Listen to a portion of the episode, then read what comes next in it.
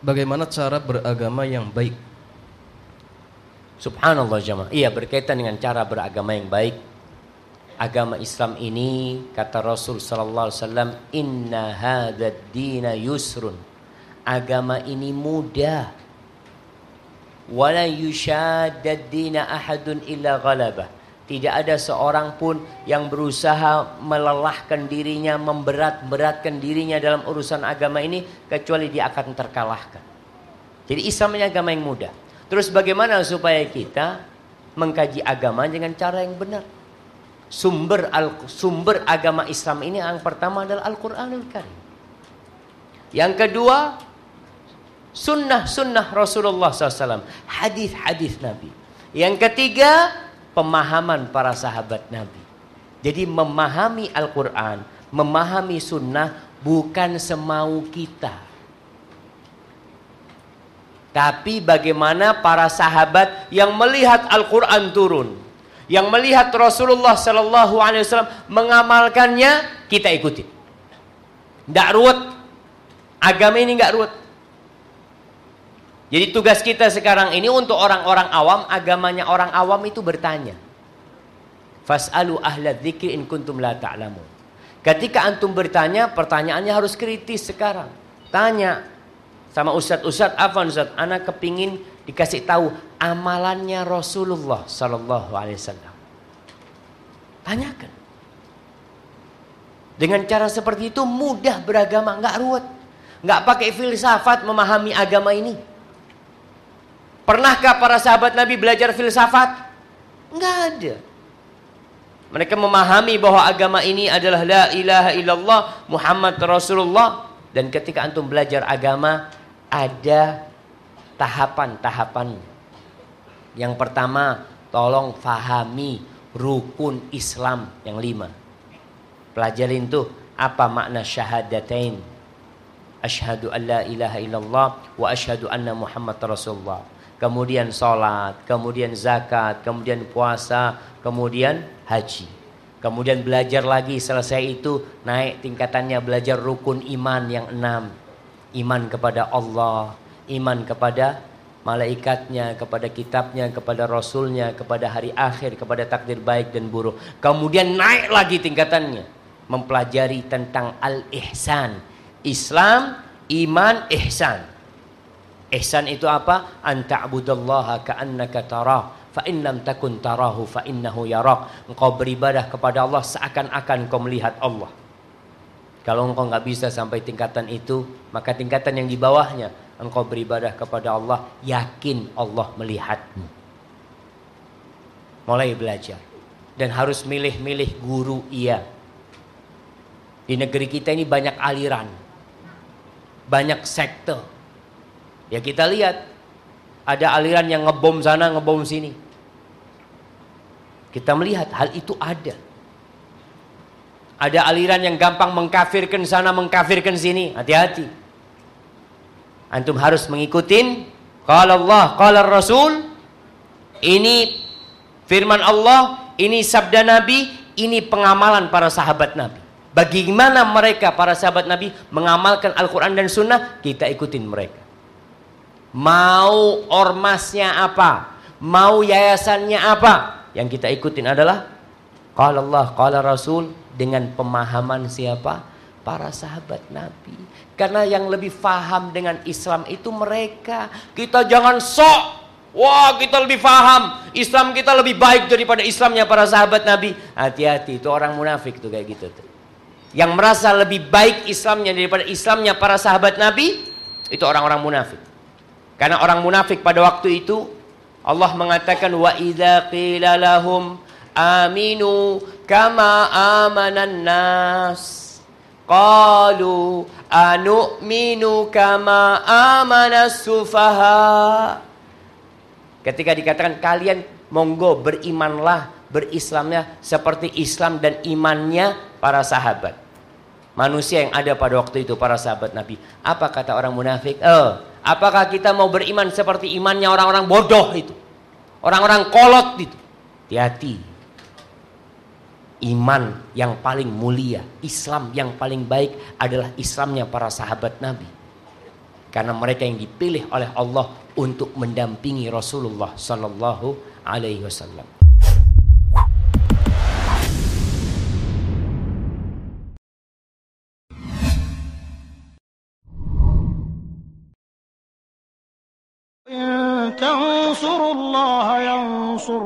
ويثبت أقدامكم سبح اسم ربك الأعلى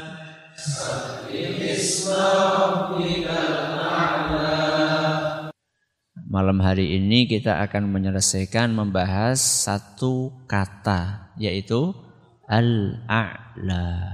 Satu kata Ustaz? Iya. Karena memang kandungannya luar biasa. Al-a'la itu adalah salah satu asmaul husna.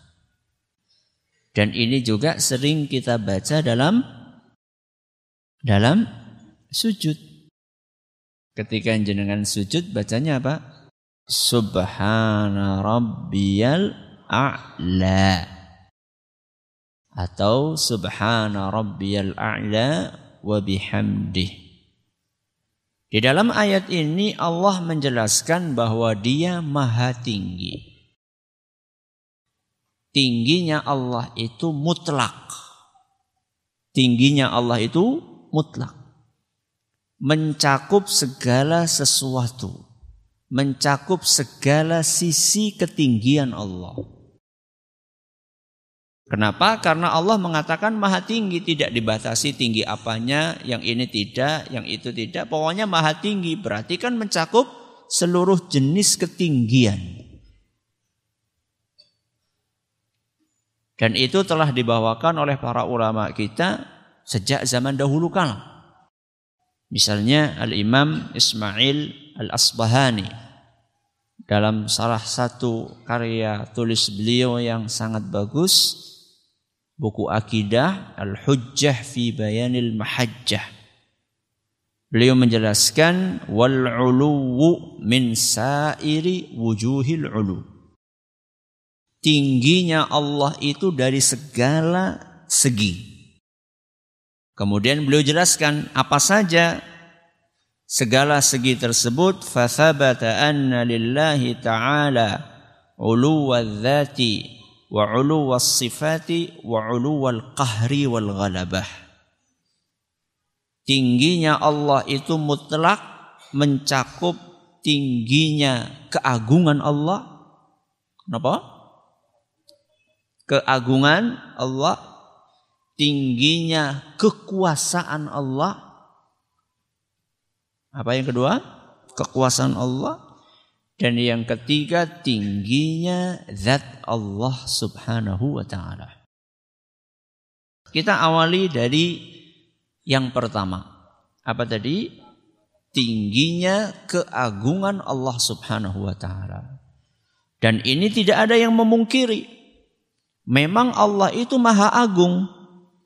Kenapa? Karena sifat-sifat yang dia miliki itu agung semuanya. Nama-nama yang Allah miliki juga luar biasa agungnya. Makanya istilahnya Asmaul Husna. Yang paling istimewa, yang paling tinggi, yang paling baik.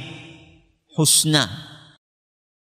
Maka di dalam Al-Quran Allah jelaskan walillahil mathalul a'la.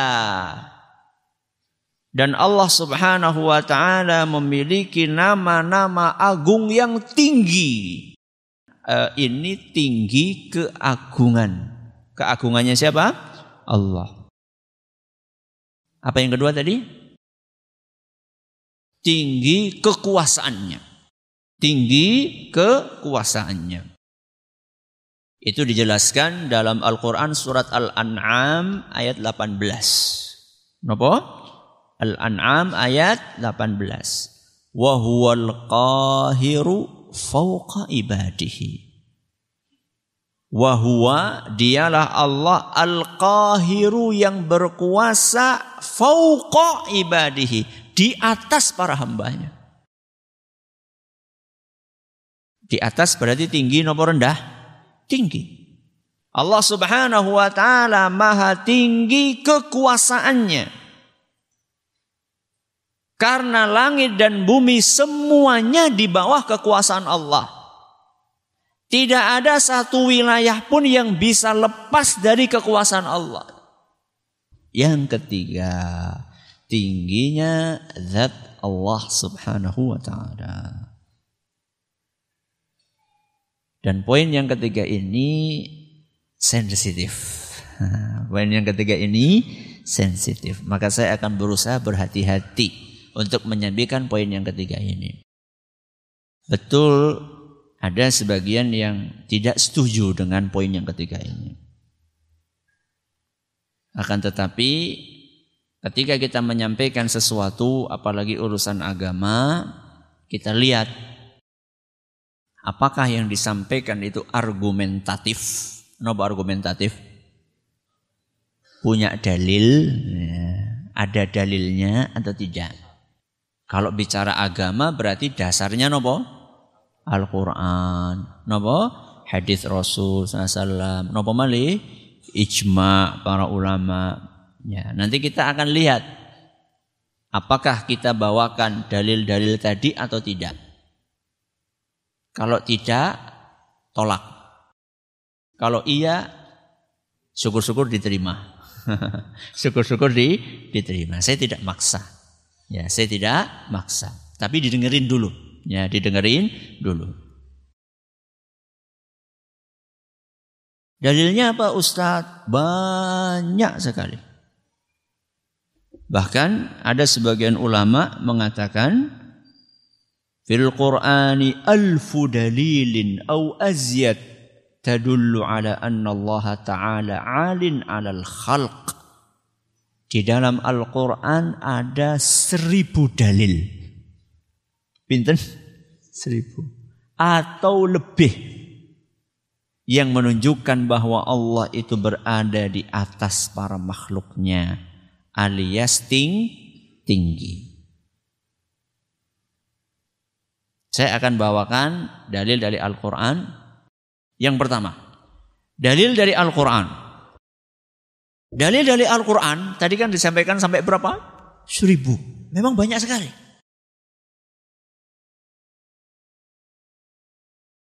Di antara dalil yang menyebutkan tentang tingginya Allah Subhanahu wa taala adalah ayat yang familiar dengan di telinga kita yaitu surat Toha ayat 5. Surat apa? Toha ayat 5. Allah berfirman Ar-Rahmanu 'alal 'arsyistawa. Ar-Rahman, sinten Ar-Rahman? Allah 'alal 'arsy di atas arsh. Arsh itu makhluk atau bukan? Makhluk. Arsh itu tempatnya di mana? di atas. Di atas apa? Di atas alam semesta. Jadi makhluk Allah yang paling tinggi itu adalah arsh. Kita lihat ke atas, ya ini langit-langit namanya. ya, kalau kita ketika kita keluar dari masjid, kita lihat ke atas, terlihat apa? Langit. Itu namanya langit pertama. Itu namanya langit pertama. Di atas langit pertama ada langit kedua. Di atasnya ketiga, keempat, kelima, keenam, ketujuh. Di atas langit yang ketujuh ada samudra. Di atas samudra ada arsh. Di atas arsh ada Allah subhanahu wa ta'ala. Itu arti ar-Rahmanu alal arshistawa. Dan yang redaksinya mirip dengan ini di dalam Al-Quran itu sekurang-kurangnya ada tujuh ayat. Menjelaskan bahwa Allah itu berada di atas arsh.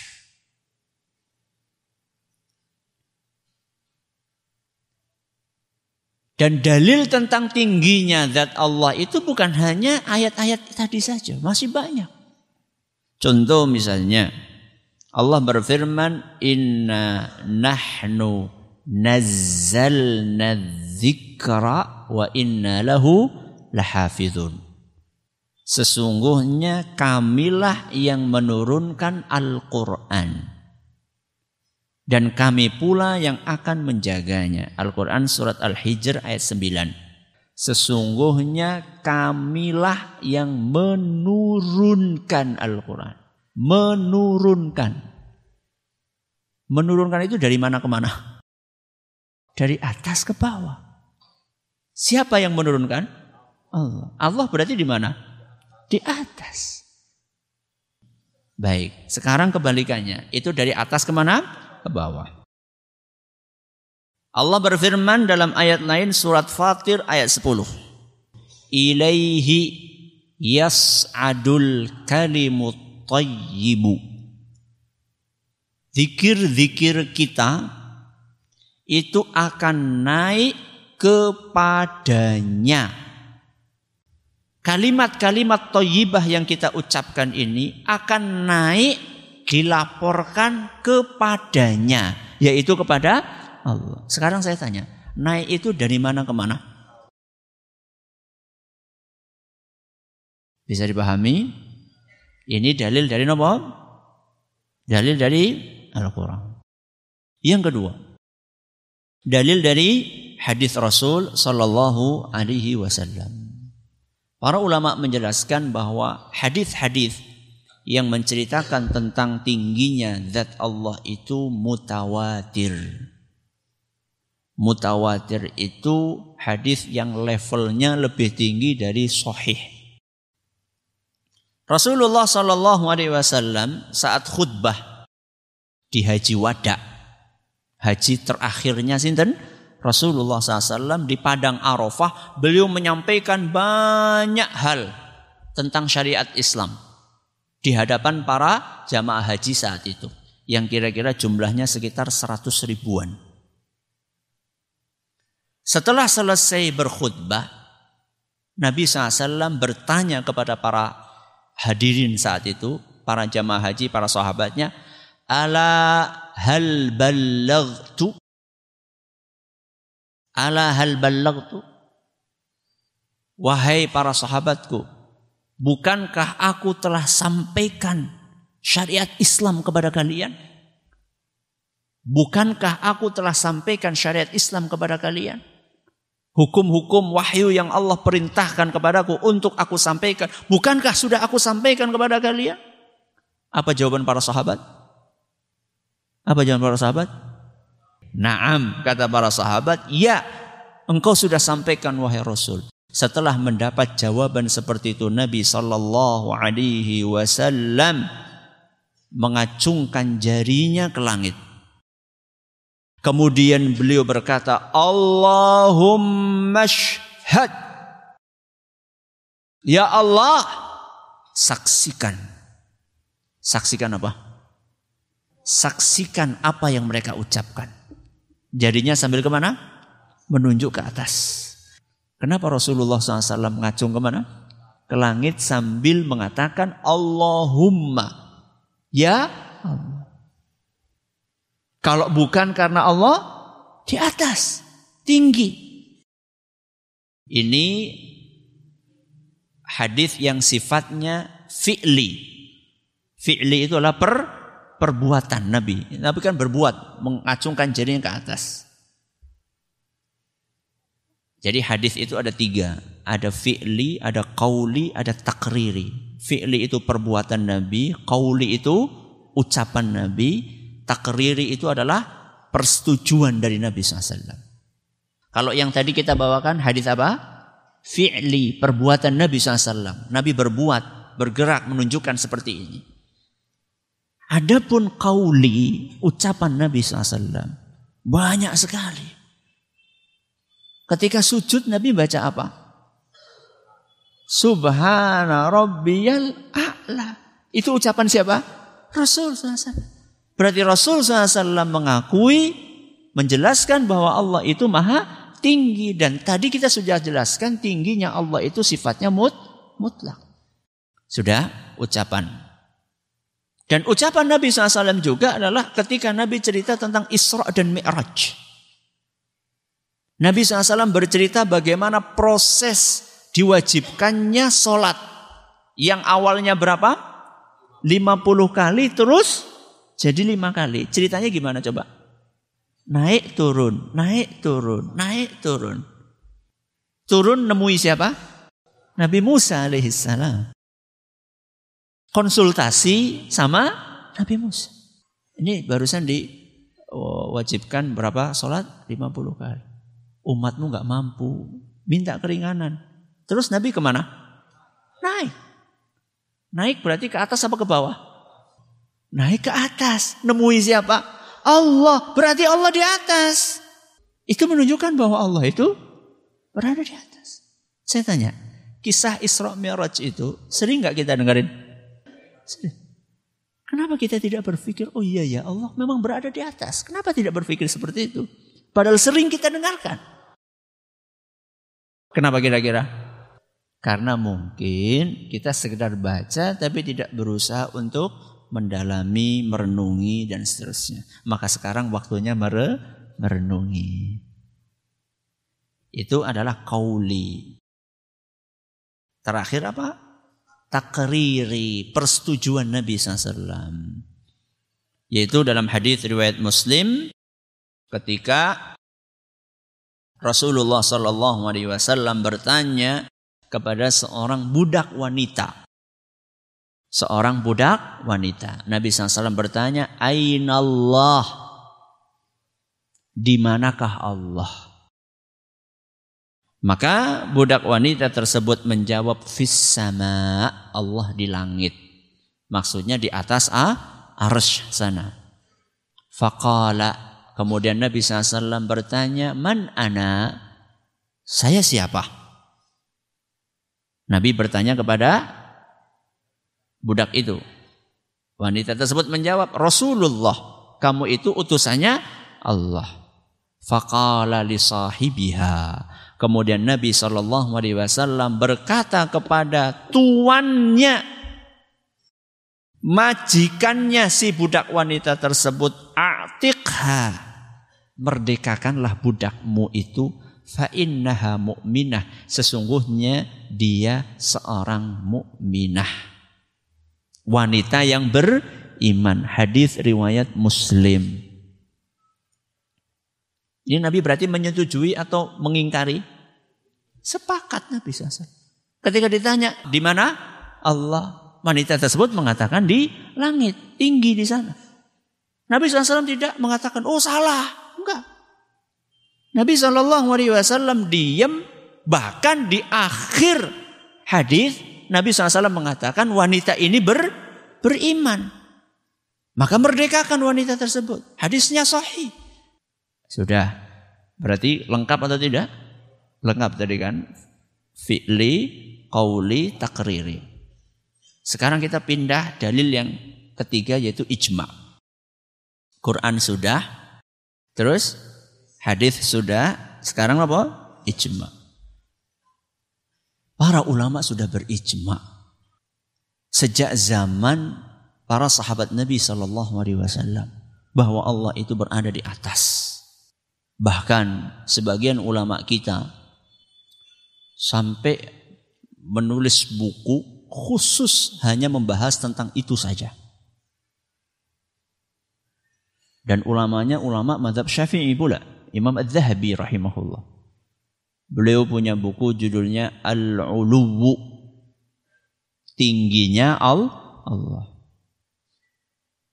Di situ dibawakan dalil-dalil dari Al-Quran dalil-dalil dari hadis Nabi SAW, perkataan para sahabat, perkataan para tabiin, perkataan para tabiut tabiin, perkataan para ulama yang menunjukkan sepakatnya mereka tentang tingginya Allah. Sampai ulama di zaman beliau, Imam Az-Zahabi itu hidup sekitar abad ke-8 Hijriah. Berarti beliau nukil ulama sepanjang tujuh abad. Makanya kandel banget Tebal banget. Dan itu beliau bawakan dengan sanat. Jadi Imam Zahabi dengar dari gurunya, gurunya dari ini, dari gitu, terus gitu sampai kepada orang yang mengucapkannya kalau Nabi ya Nabi SAW, kalau sahabat ya sahabat, kalau dan seterusnya. Di antara yang menukil ijma itu adalah ulama kita imam kita yaitu Imam Abdul Hasan Al-Ash'ari rahimahullah. Dalam kitab beliau yang berjudul Risalatun ila Ahli Thagr. Halaman 231 sampai 232. Beliau rahimahullah Imam Abdul Hasan Al-Ash'ari berkata wa ajma'u dan para ulama telah berijma' telah berkonsensus berkonsensus ala annahu ta'ala fawqa samawatihi ala arshihi.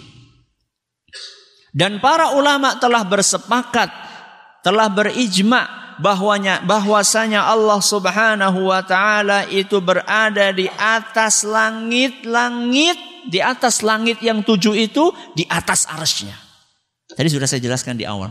Arsy itu di makhluk yang paling. Ini ijma sudah. Kalau sudah ketemu dengan ijma sudah, mau ngapain lagi? Ya. Masa kita mau lepas dari nopo? Keluar dari ijma'nya para ulama, nggak berani kita. Bahkan itu sudah fitrah. Fitrah itu nopo? Bawaan manusia sejak lahir. Bawaan sejak lahir. Saya tanya sama jenengan. Kalau jenengan berdoa, tangannya ke mana? Ke mana? Kenapa ke atas? Ya karena Allah di atas. Makanya tangan kita ke atas. Uh, maaf, sampai pun orang yang tidak meyakini Allah itu di atas. Ketika doa pun kayak gini. Betul atau tidak? Pernah jangan lihat ada orang doa itu ke samping kayak gini? Atau ke samping kiri? Atau bahkan ke mana? Ke bawah. Wonten? Buatan. Semua orang doa ya ke atas. Ini sudah bawaan.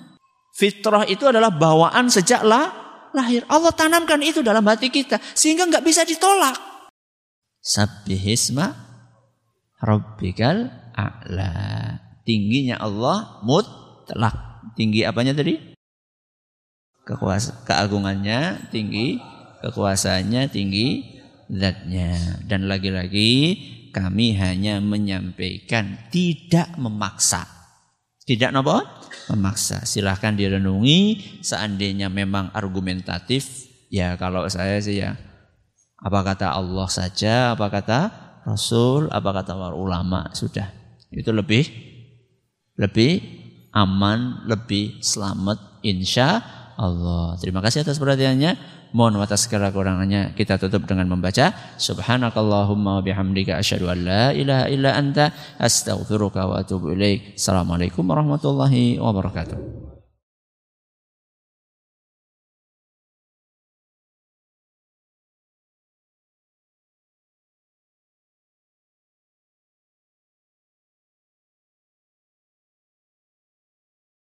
Donasi dakwah Yufid. Yuk berikan amal jariah terbaik Anda untuk dakwah dan pendidikan Islam.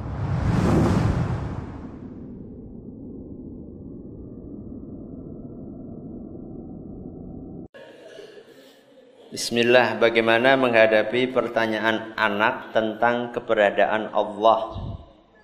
Sedangkan anak saya apabila bertanya itu berentet dan sangat kritis. Terima kasih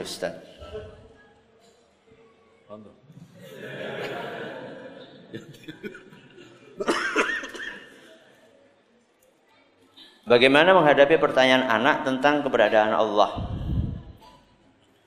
Dijawab seperti apa yang diarahkan oleh Allah Subhanahu wa taala di dalam Al-Qur'an. Dan sebagaimana apa yang diarahkan oleh Rasulullah sallallahu alaihi wasallam di dalam hadis beliau. Ketika Allah Azza wa Jalla berfirman, "Ar-Rahmanu 'alal 'arsyis tawa." Allah itu berada di atas arsh.